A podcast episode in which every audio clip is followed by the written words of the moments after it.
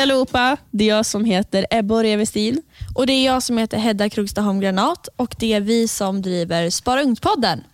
Ja, och äntligen avsnitt fem. Så kul med avsnitt fem. Förra avsnittet så pratade vi om aktier och fonder. Och Det här avsnittet ska vi börja lite på hur man egentligen handlar med aktiefonder och vad är ISK och orderdjup. Och AF också. Ja, jag menar det. Och AF såklart. Ja. det kan vara väldigt svårt att förstå. Ja. Och vad man ska handla på. Så Så vi tänkte förklara det. Ja, men eh, Hedda, hur mår du idag? Jag mår jättebra. Jag har haft så mycket energi idag. Men gud så kul. Ja, har du haft bra energi? Ja, men jag har inte varit så trött som jag brukar vara på fredagar utan idag har jag faktiskt haft energi. Ja. Så det blir kul. Kvällen väntar nu. Verkligen.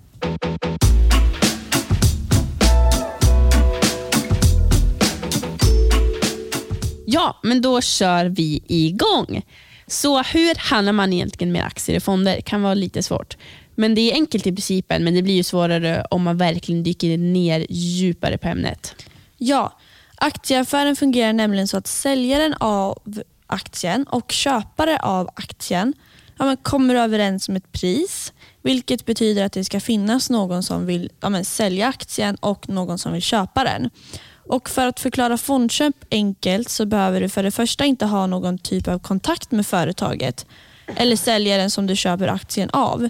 Så det är inte som när du köper något på Blocket exempelvis att så här, man eh, pratar med kanske den som säljer vill säga en möbel eller en bil. Utan det sker istället automatiskt när, när du köper en fond till exempel via den som driver fonden. Och Detta kan då vara självklart för många men medan andra kanske inte visste om detta alls. Mm. Men det är så att du som köper aktien på en handelsplattform, då, som exempelvis Avanza, där många har och köper sina aktier, så är handelsplattformen den plats där du gör aktieaffären på och när, där man matchar köpare med säljare med varandra online. Ja, man kommer överens om pris och så.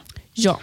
Men när man även pratar om att köpa aktier och fonder så finns det ju något som kallas för courtage.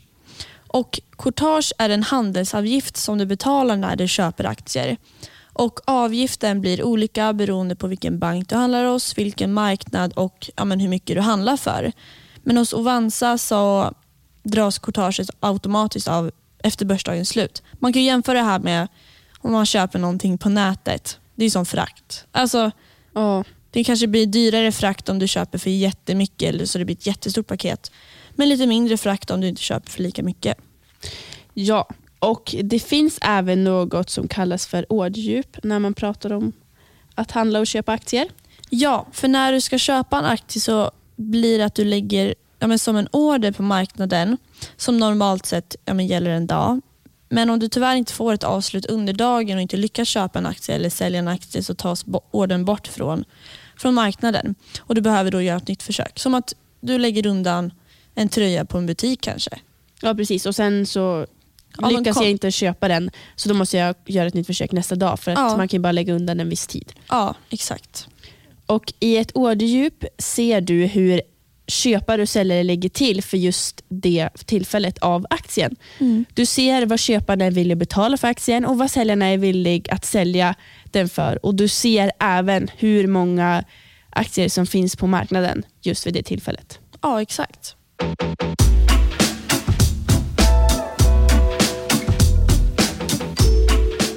Vi har pratat lite om olika handelsplattformar som man kan köpa aktier med. Men som privatperson får du göra ett eget val vad, vilket typ av konto du vill använda dig utav. Och Du kan välja mellan ISK och AF. Och ISK står för investeringssparkonto och AF står för aktie och fondkonto. Ja, och det finns ju då en skillnad mellan dessa två konton som du kan välja. Och Skillnaden är att med ett ISK-konto, alltså ett investeringssparkonto, betalar du låg skatt varje år. Och Skatten ligger just nu på 0,375 procent och skatt är då en avgift som du betalar till staten. Exakt. Och Med ett ISK-konto så behöver du inte rapportera dina affärer till Skatteverket. Men med ett AF-konto, alltså ett aktiefondkonto, är det 30 procent skatt på alla vinster som du måste rapportera till Skatteverket, alltså varje affär du gör. Mm. Vilket kan ha sina nackdelar. Exakt. Det, det som du sa skiljer dem åt är att på ISK så skattar du ju på hela ditt innehav men på AF så skattar du inte på hela ditt innehav utan bara den vinsten du gör. Och Det finns ju både för och nackdelar med båda olika konton så det är en diskussion vilket man brukar använda. Ja. Men kort förklarat så, som du sa det här med att deklarera, eller med skatt som man gör till, rapporterar till Skatteverket så deklarerar man själv. Och ja, men deklarera eller en deklaration är ett årligt dokument som du visar vad du har tjänat och hur mycket som ska betalas i skatt som Skatteverket skickar till alla som ska skatta. Ja, men om du tror på ett företag och vill investera i det men företaget inte är registrerat på aktiemarknaden som vi pratade lite om förra avsnittet även. Hur gör man egentligen då? Det kan vara lite krångligt men... Ja, för det går ju faktiskt att köpa någonting som inte är registrerat på aktiemarknaden och det kallas för att handla med onoterade aktier. Men det är betydligt mer riskfyllt eftersom företaget inte finns listat på en reglerad marknadsplats som det heter. Då saknas det även en ja, men, noggrann process och granskning som börsnoterade bolag eh, men går igenom när de registreras och noteras. Och Därmed är investeringen en högre risk och det ställs då oftast lite högre krav på dig som investerar. Men detta ska då inte låta dig stoppas verkligen av att inte. köpa en aktie som du verkligen, eller på ett bolag som du verkligen tror på eller vill lägga dina pengar där. Eh, men du kan ju då även förlora dem med större risk. Men ja.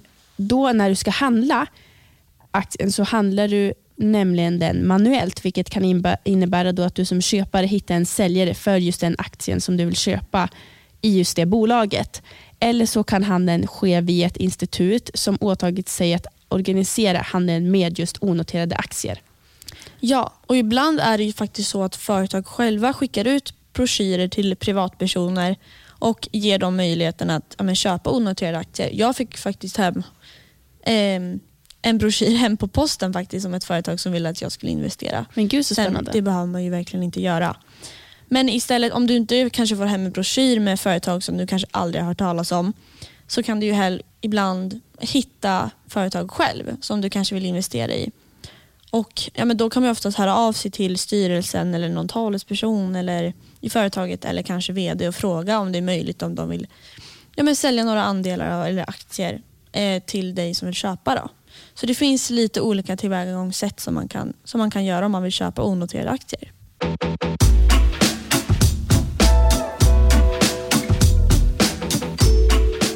Ja, men ska vi inte ta upp en liten ekonominyhet som faktiskt är relevant just nu?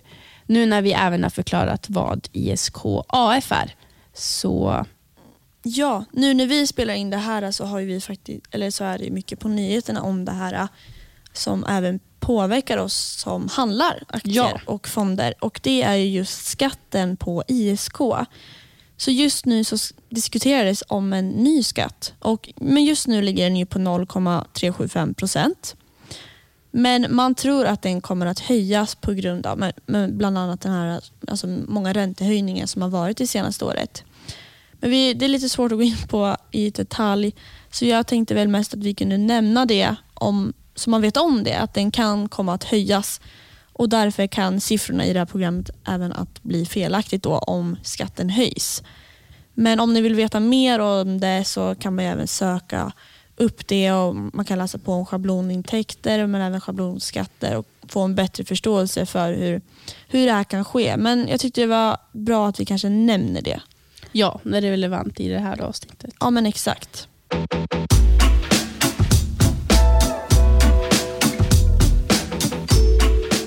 Ja, men nu tycker jag att vi rundar av det här avsnittet. Vilket ja. blev ett lite kortare avsnitt men med mer faktainnehåll. Vilket kan vara lite bra med variation på poddavsnitten tycker jag. Ja, jag tyckte det var väldigt mycket bra information och kan även vara svår information ibland. Så det kanske är bra att det är lite kortare avsnitt ibland också. Ja, och då kan man även lyssna på det här två gånger så man verkligen förstår sig på. Ja, verkligen förstår vad vi menar när vi säger det. Så vi rundar väl av. Tack så jättemycket för alla lyssningar och all respons vi får av er. Fortsätt med det. Glöm inte att gå in på Instagram Och Ni kan lyssna på avsnittet på ja, men, enklast Spotify eller Apple Podcast men även på länken som vi har i vår Instagram. Och Den länken kan ni även dela till alla släktingar och kompisar ni har som kanske inte har Spotify eller Apple Podcast så kan de också lyssna. Gör gärna det och gilla och kommentera och skicka DM till oss så blir vi så, blir vi så glada. Ja, och jag är jättetaggad på nästa avsnitt. Det ska bli ett väldigt roligt avsnitt. Ja, jag med faktiskt. Så vi hörs i det avsnittet. Hej Ha då! det så bra. Hej då!